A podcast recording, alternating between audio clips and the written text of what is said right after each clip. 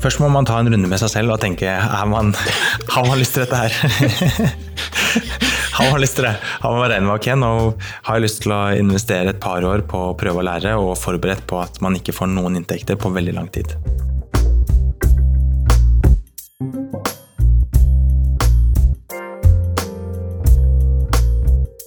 Nettbutikken Milderab vokser, samtidig som mange andre nettbutikker taper omsetning. En viktig kanal for Mildrab er offentlige anskaffelser, som fikk nisjebutikken til å mangedoble omsetningen sin under koronapandemien. Mildrab oppfyller de fleste kravene til en virkelig god nettbutikk. Men det som skiller dem fra sine konkurrenter, er at 30% av omsetningen kommer fra offentlige anskaffelser. Men det kreves både tålmodighet og øye for detaljer når anskaffelser skal vinnes.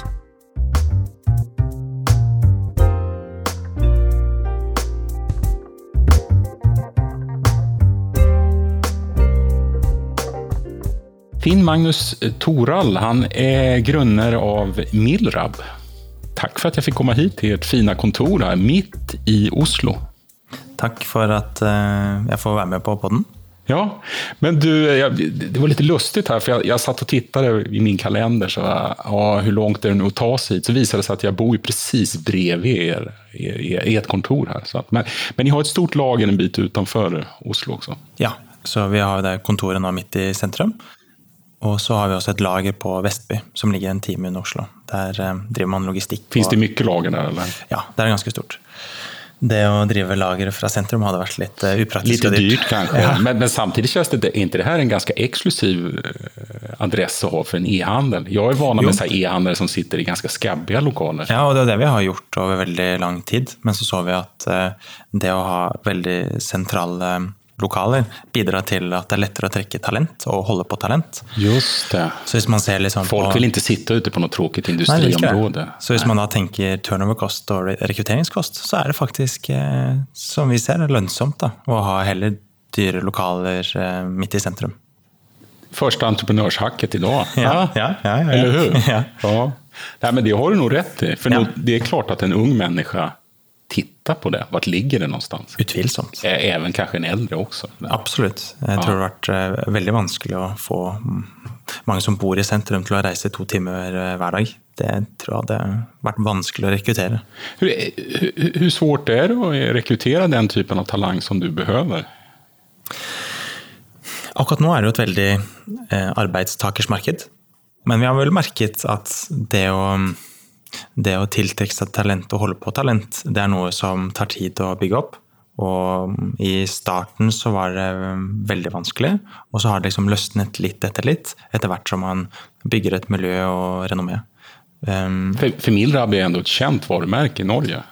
ja, det begynner å bli på en måte at en del har hørt om det, og det bidrar jo til at eh, man kan fremstå som mer attraktivt sted. Og så gjelder det selvfølgelig å levere på det, men vi føler at eh, det å rekruttere er noe som eh, flyter ganske bra. Men det, igjen, det er veldig, det er veldig arbeidstakers marked nå, så man må ikke være naiv, og man må levere hver dag. Har ni egne utviklere?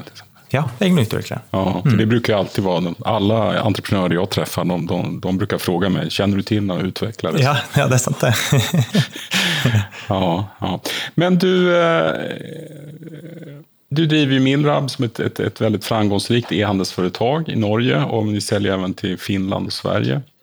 Och vad jag förstått har ni planer på att gå vidare därifrån också. Men, men när började det här? För det, du har varit igång ett tag, eller hur? Ja, jeg har holdt på med dette veldig lenge. Så jeg startet i 2005. Det begynner å bli Ja, det er 17 år siden. eller Ja, siden. Da var ja. jeg vel 19 år. Du ser ju fortfarande ung och välbevarad ut. ja, Synd bedrar, men, men det har blitt ganske mange år. Så jeg startet det når jeg var i militæret. Jeg gikk der. När? Under militærtjenesten? Under militærtjenesten, ja. Da startet jeg det. Så, så da gikk jeg på, på befalsskole, og da var det Når du er i militæret, så er man ofte en veldig stolt soldat. Man ønsker gjerne å, å vise at eh, man tjener landet, og, og da går man med uniform. Eh, Og og når man reiser hjem på permisjon til venner og familie, så har man på denne uniformen sin. Da. Og det å være veldig glad i kamuflasje kan man gjerne si å være litt eh, kamofil. Kamofil. og, da, og, da, Og så var det en dag der, der, jeg så at vi alle skulle reise hjem. og så Det eneste man ikke hadde i kamuflasje, det var PC-bagen. Fordi man hadde jo fått svære duffelbager og alt, men okay. PC-bagen den var i svart. Så tenkte jeg sånn, hm, kanskje, kanskje en PC-bag i kamuflasje kunne vært tøft. Så da fikk jeg laget et bitte lite opplag på 16 stykk, sydd i Norge. Så det var jo tidenes høyeste kostpris. Alltså, har ni tillverkningsindustri her i Norge? Altså? Ja, tydelig. Ja, ja, litt. ja. litt. Vi, vi lager eller vi produserer oljefisk og PC-bag. Just det. ja, så det var første produkten. produkt, så du begynte direkte direkt som et produktbolag egentligen? Ja, egentlig. Har du sagt det? Det blir jo det. Så da, ja, så da lagde vi 16, så så vi at 16 stykk, så så vi det fungerte bra, og da tenkte vi da produserer vi i Østen. Da. Så da ble det, neste produksjon ble på 1000 stykk. Mm. Og det var så det började? Ja, det var sånn det begynte. Ja. Men eh, du ble ikke yrkesoffiser da, åpenbart? Nei, så, så jeg var, eh, gikk på I Norge så er det eh, obligatorisk å være i Forsvaret. Så jeg gikk jeg på befalsskole. Du kan gjøre det på ett år. Da da startet Mildrab, og så begynte jeg å studere økonomi. Tok en master her i, Bergen, på på Handelshøyskolen. Men du berättade innan att du direkt efter universitetet så började du med eget företag. Alltså, du, var liksom, du funderade aldrig på att du skulle vara anställd någonstans? Eller så. Nei, altså Jeg, jeg syns det er veldig gøy å jobbe og gjøre ting, så jeg har jo vært ansatt. Jeg har jo jobbet fra jeg var liten som servitør og ryddehjelp og alt. Så jeg har jo syntes det er kjempegøy, det. Men eh, jeg syns det var eh, Faktisk Mildra var han andre selskapet jeg startet. For jeg startet det selskapet okay. før det, som drev med PC-support-tjenester. Okej. Men, Men det, eh, det lyfte inte? Eller? det gikk faktisk eh, veldig bra, men man må prioritere. Og jeg tenkte at det var Jeg prøvde å skalere det selskapet, men det var litt lettere å skalere produkt fremfor tjenester. Just det, just det. Men vad skulle du säga, hade du en tydlig idé från början vad Milrab skulle vara för någonting eller har det växt fram under åren? Ja, det har definitivt endret seg veldig, så pivotert eh, mange ganger. F.eks. i begynnelsen så begynte man å gå litt mer inn i elektronikkbransjen, men der man så her er det veldig mange store dominante aktører. Jeg tror det er veldig vanskelig å konkurrere der på sikt. Så Virkelig. pivoterte man mer inn mot produkt og nisjeprodukt. da. For så å posisjonere seg der. Og, og igjen, man har jo også utviklet kundesegmentet fra bare å være militær til å være friluft. Fra bare å være konsument til å være offentlig. Så så var det bare militære produkter egentlig, egentligen, eller? Kun militære produkter, og kun de som var inne i tjenesten i militæret. Ja, det er en ganska smal marknad. Veldig smalt. Ja. Når När, när, 15 000. började du, bredde, da? Det begynte jo først egentlig med at den, at den hadde de som var i militæret. Og da, eh, det neste etter militæret var jo politiet. Så gikk man inn dit. Og så ble det også mer brann og redning, og deretter da eh, mer inn forbi de som driver med friluft. Mm. Mm. Og, og, hur skulle du beskrive Milrab idag? Hva er, vad er Milrab i dag? Altså? Milrab i dag, det er en nettbutikk innenfor friluft og sport, og de som driver med operative yrker. Og Milrab i dag er eh, ett av fire selskaper som vi har. Hva, hva vad räknar ni med å omsette i år? Det blir jo en sånn liten nøtt på hvordan det, hvordan det skal bli. Um, Det er veldig mye usikkerhet? Ja, det er veldig mye usikkerhet akkurat nå i, i markedet. Man ser jo generelt sett at eh, det er en veldig tydelig at eh, økte energipriser, strøm, inflasjon, rentekost, at det i signifikant grad påvirker forbrukertilliten. Den er jo historisk lav nå. I tillegg til at man har gjenåpning av samfunnet som trekker omsetning fra nett over til fysisk, over til tjenester og reise. Så hvis en da ser på, på statistikkene som er utlevert, så er det jo en eh, nedgang. Nå har vi klart å ha hatt eh, oppgang både i første halvår og har også inn nå i andre halvår. Hur har ni lykkes med det? Nei, altså vi, vi har jo lagt til grunn hele veien at vi skal ha en vekst. Eh, Så det er organisk vekst som vi har, og det er jo bygge ut eh, markedsaktiviteter, bygge ut organiske aktiviteter, bygge ut sortiment, være mer effektiv på, på kundeopplevelse og bringe mer til bordet, da. Men våre Når vi gikk inn i året, så hadde vi et, eh, et mål om 50 vekst. Det er det vi liksom har hatt. Ut utifrån hva, hva omsatte ni forrige året? Eh, I fjor var det på Stern og på, på konsernselskapet så var det rundt eh, ja, litt over 330. Då är ändå 50 procent ganska mycket, skulle jag säga. Eh, Ja, det er ganske Men mye. ganska, optimi- eller ganska ambitiöst, ska jag säga. Ja, men eh, Man må jo ha litt ambisjon, tenker jeg. Så, men i 2020 så hadde vi jo 450 vekst. Just. Men så får du en dropp i 2021. Så, men det å ha denne 50% organiske veksten, det har liksom vært det som vi historisk sett eh, har hatt, hvis man ser da over um, flere år tilbake. Men vi hadde jo også lagt til grunn at markedet skulle vokse en 15, 15 men nå ser man jo kanskje at markedet går ned 10% kanskje 5% Så der, derav blir jo vekstprognosene tatt ned. Mm. Men hva tror ni kommer havne på i år? da? Nei, det blir litt sånn vanskelig å si akkurat nå. Men det kommer jo av pluss i alle fall. Ja, det gjør vi. Men jeg vil anslå sånn wild guess at vi vil være et sted mellom 15 til 30% vekst. Ja. Det skulle jeg si at de fleste skulle være ganske nøyde med. Eh, jo da, absolutt. Altså, man må jo være fornøyd med det. Definitivt. Ja, ja. Men du, det, det är ju ett framgångsrikt e-handelsföretag här i, Norge. Men vad, vad, vad, skulle du säga? För om man tittar lite hastigt på er, då kan man ju tänka, ja, det ser ut som en habil outdoor-aktör. Liksom, man tittar utifrån. Ja, de, de ser ut att göra allting rätt. Liksom. Men, men vad är det? Har ni någon så här hemlig, det kanske du inte vill avslöja för mig, men vad skulle du säga är grunden för er tillväxt? Att ni har lyckats ha den här tillväxten? Jeg tror du har sagt at det er mye nøysomhet over tid. At vi har eh, løpende fokusert på å bygge veldig solid fundament. Og det gjør kanskje ikke at man kan klare å vokse ekstremt mye år for år, men det gjør samtidig at man har en veldig solid grunnmur. Hva er fundamentet da? Fundamentet det er eh, å ha, en, ha gode interne prosesser og flyter i forhold til det å bygge gode systemer, bygge god corporate governance, bygge en stabil organisasjon, stabilt management, stabil alle andre ansatte. Har man funnits i 17 år så är man ingen startup längre. Nei, man er ikke det. Nej. Og, og det å kunne klare å tilpasse seg, løpende klare å tilpasse seg markedssituasjonen, agere på muligheter, agere på trusler, sånn som man er i nå. Men man er også et Vi er jo todelt, så nå er det et Det er mye trusler innenfor konsument, men samtidig så har vi jo den delen som går på offentlig, som er veldig i vinden akkurat nå. Mm. Jeg tenkte vi skulle återkomme til det med det offentlige litt lenger fram. Men på, på, ja, når du startet, så utgår jeg fra at du var som daglig leder. då. Ja, gjorde allting. Ja. Men når, når, när böt rollen, da? For i dag sitter du i styrelsen. Det var vel eh, ni år siden. Det er Da- så lenge siden. Så lenge siden, ja. Da møtte Ja. jeg en som heter eh, Lars på studiet. Som Ja. så Han her er jo ekstremt flink å ha kontroll på ting. Så eh, han er mye flinkere enn meg å være daglig leder. Da bør Ja. han være det. Men hva gjør du i dag, da? Jeg jobber med, som styreleder for selskapene. Så mitt primærfokus er um, å jobbe med strategi og fremdrift på strategi. Og investeringen og M&As. Vad jag förstått så har ni en ganske ambitiøs plan å kjøpe opp nisch, nischaktörer på marknaden. Mm. Hvordan har det gått och vad, vad, vad är tankarna där? Det som, det som vi ser, det er at eh, gjennom det med å bygge et eh, solid fundament, så er det jo også mye synergieffekter som man kan trekke ut.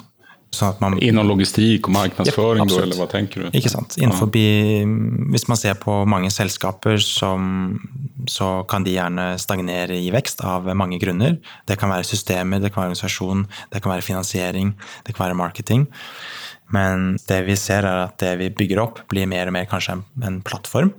Og denne plattformen den ønsker vi å bruke på flere selskaper som vi selv har startet. men også Plattformen, hva da? Er det prosessene og tekniken eller hva, hva er plattformen? Altså? Plattformen det er hele backbonet i forhold til tech-stack, i forhold til logistikk, i forhold til marketing, i forhold til hvordan man følger opp eh, regulations, finans, hvordan man utvikler organisasjonen i forhold til daglig leder og ledelse. Så det er hele den Hva skal vi si Alt som ligger bakom nettbutikken, eller det man Det är inte så mycket av det man ser utåt, utan Nej. det är mer det som ligger bakom. Ja.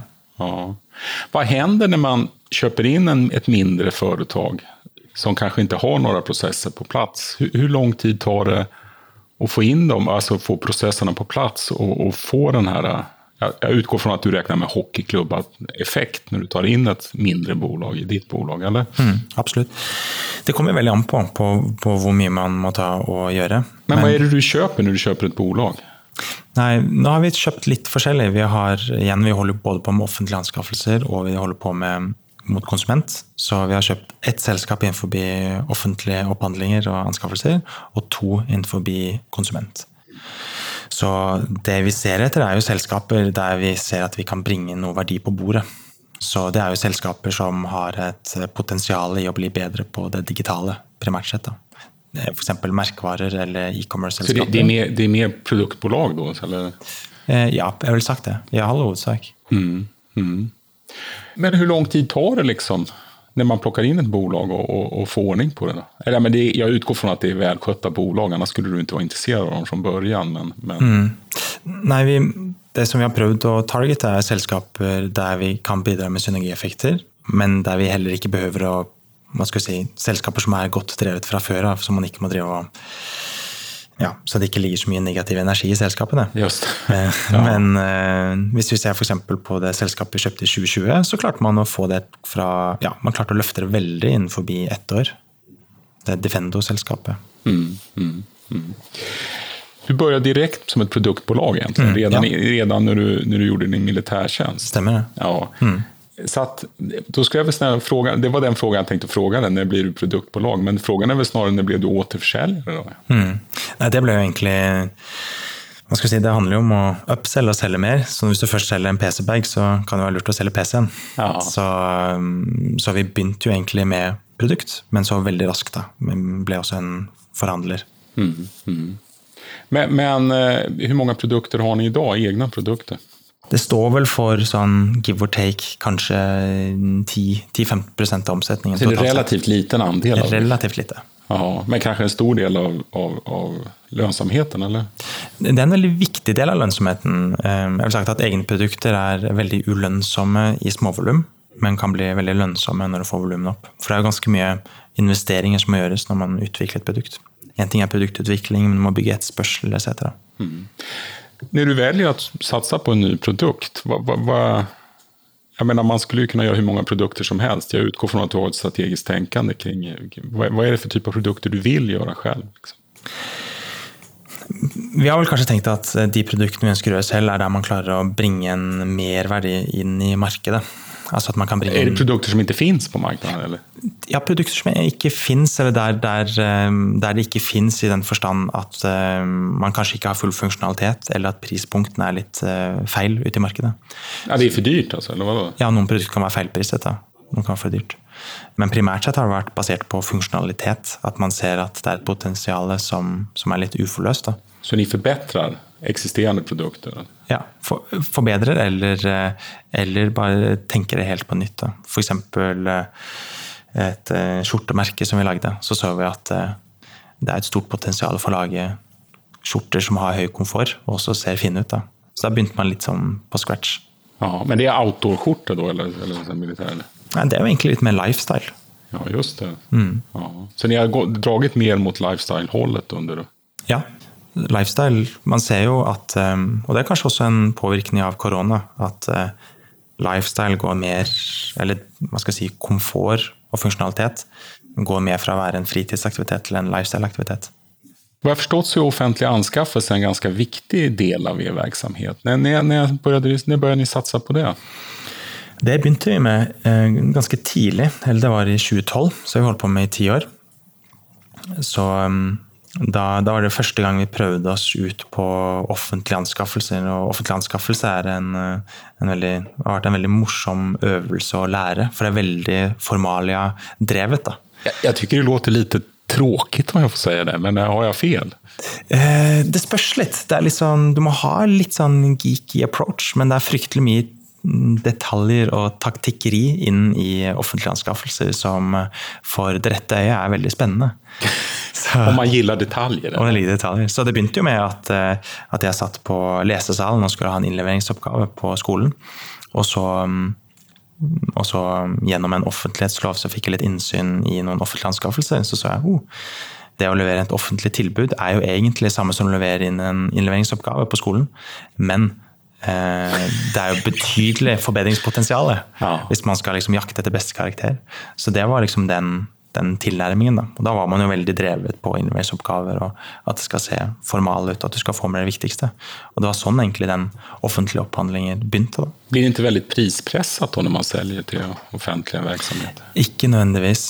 Det kan være veldig ofte så er det andre parametere som er vesentlig viktigere. Som kvalitet Også. Kvalitet, ikke minst miljø, kjempeviktig. Offentlig anskaffelse er kanskje det stedet der man kan finne størst villighet til å betale for miljøet. Da. Just det. Just det. Men, men eh, hur, hur stor andel av er verksamhet idag är offentlig, säljer försäljning till offentlig?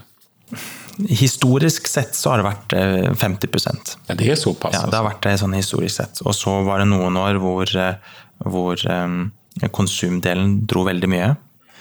Eh, Og så hadde man 2020, hvor offentlige anskaffelser sto for ja, 600 av 800 millioner. Så Det var veldig mye. Nå ser vi vel kanskje at offentlige opphandlinger er eh, Ja, hvor mye blir det? Det blir eh, fort en eh, kanskje 30 Det måste vara helt annen logik når man säljer til offentlig, offentlig verksamhet, eller? Hva er är, vad är skillnaden liksom mot å selge mot konsument eller mot företag? Det har du sagt at når du La oss si at du skal selge et produkt på en nettbutikk. Er, du må være god på marketing, og du lager en kampanje. Og det er ok, du skal selge en sko for eh, 1000 kroner. Og så vet du at du har innkjøpspris på 800. Da vet du ok, her går vi i pluss. Og, og Ja, det beror jo på hva markedsføringen koster. ikke sant. Men, sånn, men sånn, det er relativt Du kan aktivere og avslutte en kampanje relativt eh, raskt. Innenfor offentlige anskaffelser så må du sette en pris, og den prisen må du gjerne holde i fire år. Så det er en hel, Lång tid. Ja, Så det er mye risk i det? Eller? du må virkelig ha kontroll på risk management. Du må ha prognoser for hvordan kostprisen kommer til å utvikle seg. Du må forstå kontraktene, hvilken mulighet har du for å justere pris, hvor kan du legge en forbehold ikke. Så det er en, det er en eh, veldig spennende regneøvelse. Alltså, det låter ju jättesvårt, måste jag säga. Det, att man jag menar, ska förutse priser i, med tanke på hur rörlig marknaden är idag. Det måste ju nästan vara omöjligt idag, eller? Ja, og der er det litt sånn hva skal vi si, i forhold til det å prise strategisk da, og ha kontroll på risiko, så at man da ikke priser feil. Fordi man må jo beregne det inn i de prisene man setter. Så du må liksom kunne regne ut den premiumen. Men igjen, det er jo fullt oppnåelig. Det er jo akkurat som forsikringsselskapene setter en premium på hva det koster å forsikre en bil. Tilsvarende vil jo være å beregne sannsynligheten for hvilken risikopremie du må ta på prisen for at det skal være eh, lønnsomt. Att i få ha en ordentlig riskpremie på... Ja, du må regne ut hva den er. Ja, ja. Men du, om man ikke holder på med sånt her og vil nærme sig eh, offentlig anskaffelse. Ja. Du får ursäkta min Ja, norska. Ja. eh, eh, vad är liksom första steget? Det, det är bara att sätta sig och läsa lagboken, eller? Først må man ta en runde med seg selv og tenke er man, har man lyst til dette her? har man lyst til det? Har man regnet med ok, nå har jeg lyst til å investere et par år på å prøve å lære og forberedt på at man ikke får noen inntekter på veldig lang tid. Jag, jag, jag syns att det här är ovanligt i, i din bransch, i Ja, nätbranschen. Ja, att, att, man så medvetet satsar på offentlig anskaffelse. Eller har du, har du många konkurrenter som gör samma sak? Nei, det er ikke noen konkurrenter som jeg kjenner til innenfor netthandel som gjør det. Det kanske mer traditionella företag som ägnar sig åt sånt här? Ja, det er jo et mer tradisjonell offentlig anskaffelsesselskaper som holder på med dette. Men dette er jo noe som vi har holdt på med nå i eh, over ti år. Eller ti år. Så Men du har aldrig ångrat att du gått in i den? Ja, noen ganger når du har brukt liksom ett år på et eh, anbud, og brukt, liksom, du har jobbet i masse, masse, masse tid, og så vinner du ikke. Da tenker jeg Det sånn Det var fruktansvært! Ja, det er, det er litt vondt. Hva, hva, gjør man en sånn da, når man får beskjedet? Nei, da tenker man ok, vi har en success rate på 30% Dette var en av de 70% som vi tapte. Så det er enda 70 procent som man tappar? Ja, eller du må i hvert fall ha en sånn innstilling på, på, på hva er success-raten. da. Ja. Nå har den blitt bedre, men i, i starten så var det liksom at du må tåle gjerne fire-fem nederlag før du får en vinner. da. Og det, er, det krever jo en uh, utholdenhet. da. Så det er en veldig utholdenhetsprøve. Når man snakker med entreprenører og lytter på entreprenörer så är det många som.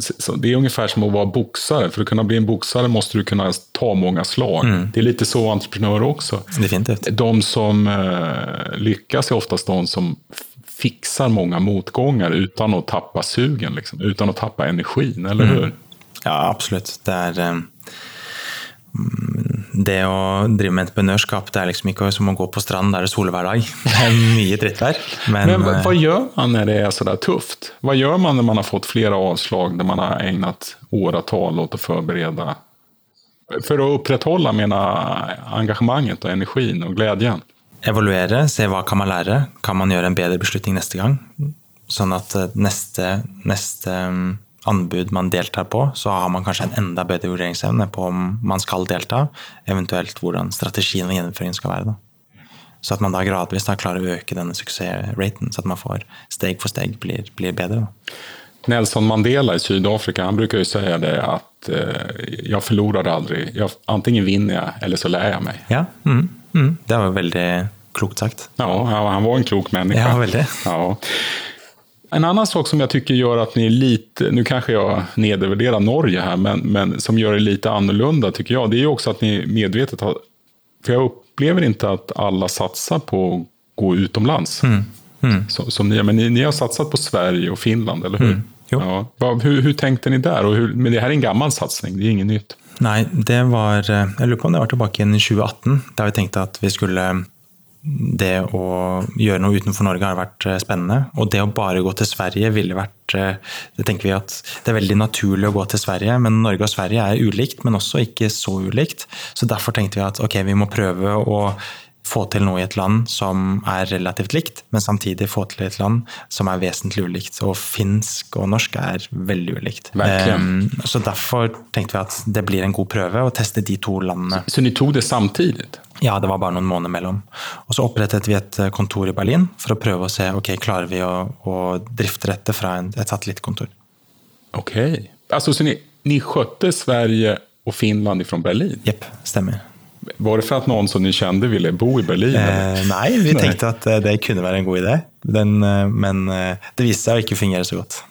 Hade det ikke vært bedre å legge det i Sverige da, Eller? Jo, men hvis man prøver å se litt på skalerbarheten, så er det i forhold til For du hadde større visjoner? Eh, ja, og, og hvis, vi ser det som er fordelen med Berlin, er at det er veldig internasjonalt. Og det er eh, mye talent. For det er mange Du kan jo hitta både svensker og finner der? Ikke minst. Og du kan finne Ja. tysker, eh, du Ja. kan finne all slags. Men vi fikk ikke, den gangen så fikk vi ikke det til å fungere. Så da så jeg at det var bedre å drifte alt fra ett hus, da. Ja, så nu drifter det fra Norge, eller? Ja. Mm. Ja. Men på hvilket sett Du sa at Sverige og Norge har likheter og, og, og olikheter. Hvilke Vilka ulikhetene mellom mellan Sverige og Norge da, skulle du si? Man går inn som, som e-handelsbolag. Nei, altså det er jo Det er en Jeg vil sagt at eh, svenske eh, konsumentene har en De er jo bedre vant i forhold til brukeropplevelse og leveringstid. I tillegg så er de noe mer prissensitive. Så det er andre typer produkter og prispunkter som gjerne fungerer i Sverige. Man får lavere lägre priser. Ja, man får litt lavere pris. Det er, generelt sett så er det litt lavere, det er mer prispress, da, eller produktene er litt rimeligere i Sverige. Funker samme budskap, jeg mener, rakt Ja. av om man bare oversetter dem? Liksom. Ja, det fungerer egentlig ganske bra. Men man må jo treffe på de store hva skal jeg si, små detaljer, men som også er viktig. F.eks. Eh, hvilke ikoner man bruker på når man presenterer pris. Hvordan man avrunder pris er ulikt fra Norge og Sverige. Jaha, på, det var interessant. På hvilket sett er det ulikt? Va? Ja, nei, for eksempel, Hvis man ser på en eh, norsk ad, så er det vel nå husker jeg liksom, eller Hvis man ser på prisen og hvordan man runder av, så i Norge så runder man av gjerne til nærmeste nier. Mens i Sverige tror jeg man runder av til nærmeste femmer. Og når man, når man har etter prisen i Norge, så mener man har komma og strek. I Sverige så har man kolon. Just det. Så det er litt disse... Og sånt gjør skillnad mener du? Ja. Si på den andre måten, hvis, eh, hvis eh, vi i Norge hadde fått presentert prisen på noe vi ikke er vant til, da hadde vi tenkt hva er dette for noe? Det sämsta är när man har utländska som, som inte ens har av, de inte ens avrundar utan det kommer så här konstiga, eh, konstiga decimaler. Ja. Alltså, som jag har lärt mig i Sverige så är det så att om du avrundar till nier, nior, då är det lite lågpris. Ja, sant. Alltså lite dåligt. Medan Ja. fem, Ja. det är lite mer elegant. Nettopp, Det är sant. lite, lite bättre. Ja. Så, att, så att därför har jag alltid avrundat till fem. Ikke sant? Ja, ikke sant? ja. Men, men hvis man ikke har den innsikten, så um, bommer man jo på performance og budskap. Men hur, svenska e-handlare till Norge, det är ju en viss byråkrati. Är det likadant när man säljer från Norge till Sverige, eller är det enklare den vägen tror du? Eh, byråkrati i forhold til Tull, tullavgifter? Ja, så det er, eh, det er jo litt sånn setup som man må ta og gjøre. Men ja. Men det er mye bare en setup i systemet? Det er setup i systemene. Så, så, det gjelder jo f.eks. når vi sender til Sverige, så er det at vi har et svensk tollselskap. Sånn at for mottakeren så oppleves det som om pakken hadde kommet fra et svensk lager. Men ni har aldri fundert på å sette opp et lager i Sverige? Eller så, eller jo, vi har sett på det, men det er et litt mer sånn volumspørsmål når er det riktig tidspunkt å gjøre det. Hvor stor, stor, hvor stor er e-forsäljning i Norge og Sverige? Eh, nå er vel sånn cirka omsetningen i Sverige Nå tar det litt sånn top of mind, men det er vel cirka Veldig top of mind som litt forbehold her, men jeg lurer på om omsetning til utlandet er rundt 15-20% cirka. Ni har ambitionen å gå utenfor Sverige og Finland også. Mm. Hva, er, vad, liksom, vad, är, neste steg då med internationaliseringen? Ni var jo nere i Berlin, det kjennes som at det, ni ville ta hele Europa då, eller? Mm. Ja, det er jo egentlig for å, for å, prøve å se om man, kan, om man har en formel som er eskalerbar. Hvordan kom du på den ideen? For den har jeg aldri hørt forut. Att, att At, at, du flyttar ut et kontor til Berlin for å, för att ha satsning, liksom en e-handelssatsning. Nei, man, man, har jo litt gode og litt dårlige ideer, så man ja. må liksom ha prøver ut. Men jeg har ikke hørt noen andre som har gjort det heller. Nei. Tyskland er en jättesvår marknad. Alltså. Ja, det, det, har jeg hørt. Og Danmark har også hørt det veldig vanskelig. Ja, Dan Danmark er hoppløs. Mm. Jeg tror I Sverige snakker man mest om Norge nå for tiden. Altså. Ja, det altså, jeg, jeg, mange selskaper går jo bredt. De går jo mm. typ på 15 markeder, men Danmark mm. kjennes aldri som at det er noen som satser på lenger. Mm. Nei, det var rart. I 2020 så, så, så solgte vi jo jeg tror for flere hundre millioner til Danmark. Just det. Mm. Men, Men då, då, var det så här offentlig? Ja. ja. Men eh, dansk kultur er ganske business-wise er veldig ulikt eh, norsk og svensk. Ja, svensk og norsk er ganske likt. Det er, ganske, det er veldig likt. Ja, Mens danskt Jeg har kompiser som sier det, at man skal kolla at man har alle fingre kvar. Akkurat sånn der. Når, når man ja, har hilst på en dansk. Det, der, ja, men det, det, det er helt sant, det. Man må telle fingrene etterpå. Ja, nei, men det, det er merkelig at det kan være sånn skillnad. Liksom. Ja. Det, det, jeg tror ikke det handler om eh, onde hensikter, det er jo snakk om kultur. Så det gjelder å prøve å forstå det, også hvordan man kommuniserer med det. Mm. Som svensk er det jo ganske lett å komme overens med, med, med nordmenn, syns jeg. Og det burde kanskje være like mot andre holdet også, eller Helt klart. Ja, just det, just det. Hela marknaden nu, vi har ju redan varit inne på det lite, väldigt osäker liksom inflationen opp, problem med leveranser fra, fra, fra Asien. Allting er usikkert. Hvordan ser du på framtiden her nærmeste, nærmeste halvåret og nærmeste året? Ja, jeg, jeg, tror at uh, det fort kan bli verre før det blir bedre. Jeg hadde en uh, samtale i går med, med en, en annen, et annet selskap og da snakket vi litt om dette her. Og det er jo at det gjerne går i sykluser. At du gjerne kan ha Nå har man jo vært i kanskje fem til syv år med veldig sterk marked. Og at eh, Vel ikke være overrasket over at man nå har ett til to år med veldig tøffe tider. Hvorav man vil ha et eh, press i forhold til Man har en lageroppbygning. Man får en um, supply chain. Det har jo vært mye supply chain-utfordringer, men mange har bestilt veldig mye man har bygd større lager. Man har bygd stort lager. Ja. Plutselig sitter man med ganske store balanser med mye kapitalkost. Eh, man ønsker å bygge ned lageret. Hvis ikke etterspørselen er der, så må man justere pris. Så at du da får et prispress, du får lønnsomhetspress. Hvorav eh, jeg tror at eh, det Jeg tror det kommer til å skje mange som må snu seg litt om. Med, et, med en endret fokus fra vekst til lønnsomhet. Jeg tror vi kommer til å se en ganske mye konsolidering. At fremfor at eh, mange nisjeselskaper skal sitte på hver sin tue, at man Det er derfor du vil kjøpe opp masse nisjeforetak?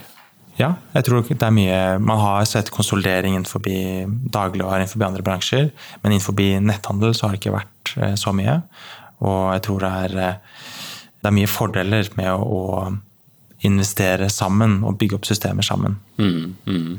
Og kanskje spesielt nå i markedet som man er i nå, og som kan vedvare en stund. Mm.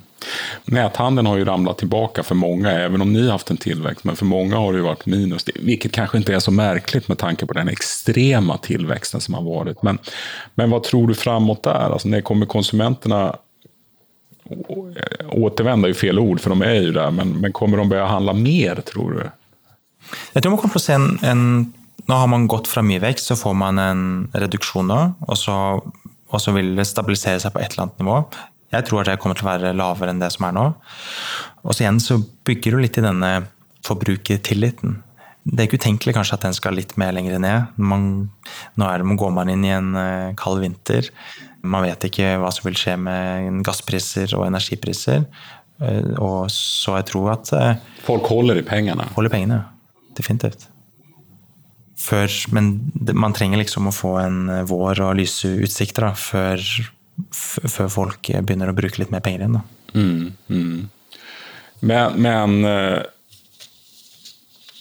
er du optimist, da? Ja, altså I hvert fall den, den erfaringen som jeg har gjort opp igjennom, er at eh, det er ofte når det er veldig trøblete, det er veldig mye ubesvarte spørsmål, ofte det er et marked som er veldig bra. fordi det er ofte mange som er eh, litt villedet hva de skal gjøre. Så det er gjerne da man kan klare å få gjort eh, utredet mye. Fordi at man, Hvis man har en tydelig strategi og, og fremdrift. Så jeg tror jo at f.eks. innenfor oppkjøp tror jeg, er en, tror jeg kommer til å bli et veldig attraktivt marked i det neste Tar du inn ekstern kapital for å kjøpe opp de her foretakene? Eller? Nå har vi vært uh, heldige og hatt uh, spesielt et veldig sterkt år, som har gjort at vi har mye Så det er egen kasse når dere kjøper bolag? Ja, det har vært det. Men vi har også sett Vi har også mulighet for å kunne finansiere opp eh, gjennom bank, bl.a. Eller oppgjøre aksjer. Men det borde jo være et Din strategi låter vettig, tycker jeg. For det borde jo være For at priset på e-handelsbolag har jo virkelig, i alle fall i Sverige, jeg vet ikke hur det er i Norge, men, men de som er börsnoterade har jo hatt brutal Absolut, veldig. Alltså, de har jo nesten halvert ja, ja, absolut, Kanskje mer også. Frå, från en extrem, från en, från hög nivå skulle jag ändå vilja säga. Eh, det sjuka är med många av de här företagen som tappar i stort värde är oftast fortfarande lönsamma och välskötta företag. Det är ju snarare att de har varit överskattade värdet på dem tidigare. Mm, mm. Så, så denne reprisingen som man har sett på noterte selskaper på børs, det begynner jo mer og mer nå å komme inn forbi um, unoterte også. Og da er det jo interessant for da er det jo en mulighet, hvis man tror at markedet kommer til å bli bedre, at eh, etter en vinter blir det sommer, så, så er jo det et eh, mulighetens marked, sånn som vi ser det. Men jeg tror vi må Jeg tror man skal ja, jeg tror det kan bli verre før det blir bedre. Sånn at uh, de oppkjøpsmulighetene tror jeg kan bli mer attraktive ja, kanskje et halvt år fra nå, kanskje et år. Mm. Så vente litt til, egentlig? Vente litt til. Ja. Mm. Hva er det mest fokus på just nå? Fokuset nå er igjen innenfor et tøffere marked. Så blir det å rette om fokus fra vekst til lønnsomhet og, og, og effektivisere. Vi har gått fra å ha manuelt plukk til å ha et robotlager. Man bytter systemer så man kan fjerne manuelle til automatiserte prosesser. Virkelig ha kontroll på det operasjonelle. Da. Og sørge for å være lønnsom selv i et marked som er veldig tøft. Så det er liksom vårt fokus nå. Og det har vi egentlig når den, eller måten vi har tenkt når vi bygger et selskap, så er det at man gjør investeringer i litt trappetrinn. Så um, det er 14 eh, år siden vi sist byttet systemer. Så nå altså datasystem og sånt? Ja. Supportsystem? Ja. ja. Og det skal dere gjøre nå? Ja, det har vi akkurat gjort nå. Vi forrige, skiftet forrige uke. Forrige uke? Ja, forrige uke. Det var 14 år siden sist. Det måtte ha vært en mardrøm? Ja, det, det, det, var, det var mange som mistet mye hår, ja. Alltså min erfarenhet, man pratar med folk som byter plattformar, det är ingen lätt resa. Nej, nej, nej. nej. Det... Men det har gått bra, eller? Ja, etter forholdene så har det gått eh, bra. Hva, hva bøt ni ut for system, da? Vi byttet ut eh, alt. Altså, E-handelsplattform E-handelsplattform, eh, ERP-system, ja. Eh, økonomisystem. Vi byttet til og med Vi byttet alt samtidig? Vi byttet warehouse-system. Eh, vi, vi, byttet fra manuelt plukk til robotplukk. Vi byttet eh, PIM, eh, VMS eh, Under hvor lang tid gjorde alt. alt det her? Vi holdt på i ett år. Og så ble lanseringen forrige uke. Du ser jo fortsatt glad og ikke så sliten. ja, nå, nå er, nå er, jeg har ikke hatt, eh, egentlig ikke hatt noe som helst med det byttet å gjøre. Nei. Så all ære til et veldig bra team som har gjort det. Ja, ja, ja. Men, men vad, du har vel analysert hva de har gjort i alle fall. Hva, hva skulle du säga, er det viktigste å tenke på når man gjør et sånt her stort skifte? Jeg vil sagt at det er um, I forhold til system så er det jo en kost-nytte-vurdering. man kan ha system På et eller annet tidspunkt så begynner man å miste funksjonalitet. Og det å ha, å ha en backlog på manglende funksjonalitet vil på et eller annet tidspunkt være veldig hindrende for videre vekst. Så det man gjør, er jo at man bytter fra en utdatert teknologi til en ny teknologi, som gjør at man da eh, har en helt annen mulighet da, til å kunne raskere deployere ny funksjonalitet um, på tiden fremover. Da.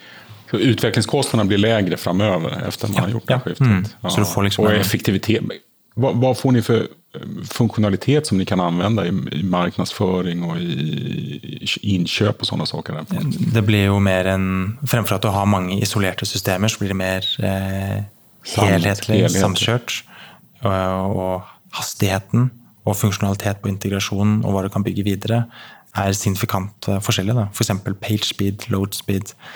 Og igjen den muligheten for å deployere ny teknologi. Ny teknologi begynner gjerne først å ha tilgjengelige integrasjoner på si, de mest populære teknologistekkene.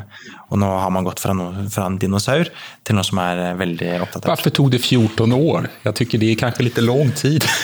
ja, men det er jo liksom sånn If it, uh, if it, works, don't fix it, eller don't ja, change it. Så det har jo fungert veldig bra. Det har jo vært stabilt, men uh, etter hvert så har man liksom uh, lastet vel mye bagasje på den lastebilen.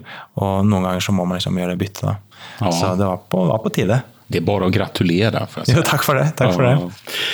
Det er jo veldig stort fokus på miljø og bærekraftighet i dag. Hvordan tenker du kring de spørsmålene? Det som vi har sett, er at noen kunder eksplisitt spør om å få tilsendt pakkene sine med papp som er brukt fra før. Og det er jo et signal på at det å være miljø, ha en tydelig miljøprofil og ha kommet miljøgevinst, går fra å være noe nice to have til å være noe som er must have. Det er et krav. Jeg tror det kommer til å bli mye tydeligere fremover. Så det da å bevisst identifisere muligheter for å tydeliggjøre overfor konsument at de kan gjøre sine miljøvalg. Det tror jeg kan være eh, noe som i økende grad vil forventes av oss konsument. Mm. Lykos i Sverige gikk ut for noen måneder siden ganske tøft og sa at vi kommer bare å anvende logistikkaktører som kan love oss fossilfritt hele veien. Mm. Og, og, og sen har de bare kjørt på det. Mm. Skulle ni kunne gjøre samme sak i Norge? Nå kjenner jeg litt sånn for lite til hvor, hvor eh, tilgjengelig det er. Men jeg tror at eh, for en konsument, hvis en konsument kan velge om f.eks. å ha levering med fossilfritt transport og ikke, så tror jeg at det vil være en økt villighet og forventning til å kunne gjøre det valget. Da. Til å kunne velge om ting skal transporteres veldig raskt med mye utslipp, eller litt saktere uten utslipp. Om innpakningen skal være eh, mer resirkulert eller ikke resirkulert. Men typ det her går fra plast til papper, emballasje, det må jo være en no-brainer. Det kan ikke være noe svårt? Eller, eller er det svårt? Det er jo et kostnadsaspekt. Pappa er veldig mye dyrere enn plast. Det er så? altså? Veldig mye dyrere på småpakker. Og kanskje den største mm, det som Vi, har, vi jobber med et prosjekt nå for å kunne se på hvor er det faktisk utslippet Eller hvordan ser Hvis man ser på CO2-utslipp eh, for et samfunn, så er primært sett er det knyttet til transport. Og en, som en nettbutikk så er det transport er den største utslippsfaktoren. Så det å se på hvordan man kan redusere returfrakt, det tror jeg kanskje kan være en av de største miljømulighetene for netthandel. Men det kreves jo en, en villighet både hos konsument og også hos eh, forhandleren til å unngå at det blir så mye pakker som blir sendt frem og tilbake. Det handler jo også om hvordan man presenterer sine produkter Absolutt, og, og hvor noggrann man er, og med bilder ja, og alt sånt. Så det, jeg tror at sen, sen i dag finnes det jo også modernt utviklede system som, som man med digitale sett faktisk kan minske ned litt på, på, på returene. Men for returene tror jeg de er jo noe svåre å komme undan. Altså. Mm. Det tror jeg. Mm. Og en annen jeg også tenker på i forhold til mer sirkulær økonomi. I forhold til det å se på det å kunne ha en økt mulighet for å kunne reparere ting. Ja, det, det, for at i slutenden Jeg har ikke sett de her kalkylene, men jeg mistenker at du har regnet på det. I, i, grunn og bunn er det vel enda tilvirkning av produktene som er den store miljøbelastningen. Mm. I, i, I, det sammenhenget så blir transportene det blir en ganske liten andel av, av, av påverkan. det er sant. Absolutt. Ja, definitivt. Det å produsere er jo størst. Ja, och jag ser ju, det kommer ju mer, jag var, jag var inne här i, i, igår så träffade jag Gamera i, i Sandefjord som, som säljer, ja de rekonditionerar kontorsdatorer om dem till speldatorer. Bra idé tycker jag. Ja, kjempestilig. Ja, den typen av produkter ni har, skulle, skulle ni kunna sälja begagnat? Det høres ut som et eh, det, Vi har ikke utforsket det nok. Er det noe du tenker på? Definitivt så prøver vi å tenke nå Nå har jo liksom hodet vårt vært veldig skrudd til dette 14-års eh, systembyttet. Ja, jeg forstår. Eh, og, og liksom hvordan agere med Ni är förlåtna det. men, men, men en del av den eh, mer langsiktige strategien som vi, må, som vi har på agendaen å plotte ut, er å se ok, men hvordan kan vi tenke mer i forhold til miljø og i forhold til sirkulær økonomi. Det er en, eh, en veldig spennende øvelse som vi gleder å, å dyppe dykere i. Da. Når det gjelder mer eksklusiv outdoor-utrustning så fins det jo i Sverige i alle fall, jeg vet ikke om man gjør det i Norge, at man hyr, Ja, hyr, leier. hyr ut, man leier ut eh, utrustning. Mm, det er veldig på fremmarsj i Norge også. Ja, Er det noe dere funderer på også? Det kan også være noe som kan passe, kan passe godt inn. Men det blir väldigt, affärsmodellerna är så annorlunda och vad jag har förstått när jag pratar med folk som håller på med sånt här är att backend-systemen måste stödja helt andra saker. För det, det är en väldigt stor, det är väldigt stor försäljelse, försäljelse att, att hyra ut en leja ut en sak mot å och, och sälja den. Rent administrativt. Absolutt. Ja, Det er en uh, nøtt som må knekkes. Ja, men det kanske är något för framtiden. Ja, det er det. Ja. Bra. Finn Magnus Torall, grunner av Milrab. Stort tack för att jag fick komma hit idag. Takk for at jeg fikk vara være med. Mm. Tack och hej. Hei.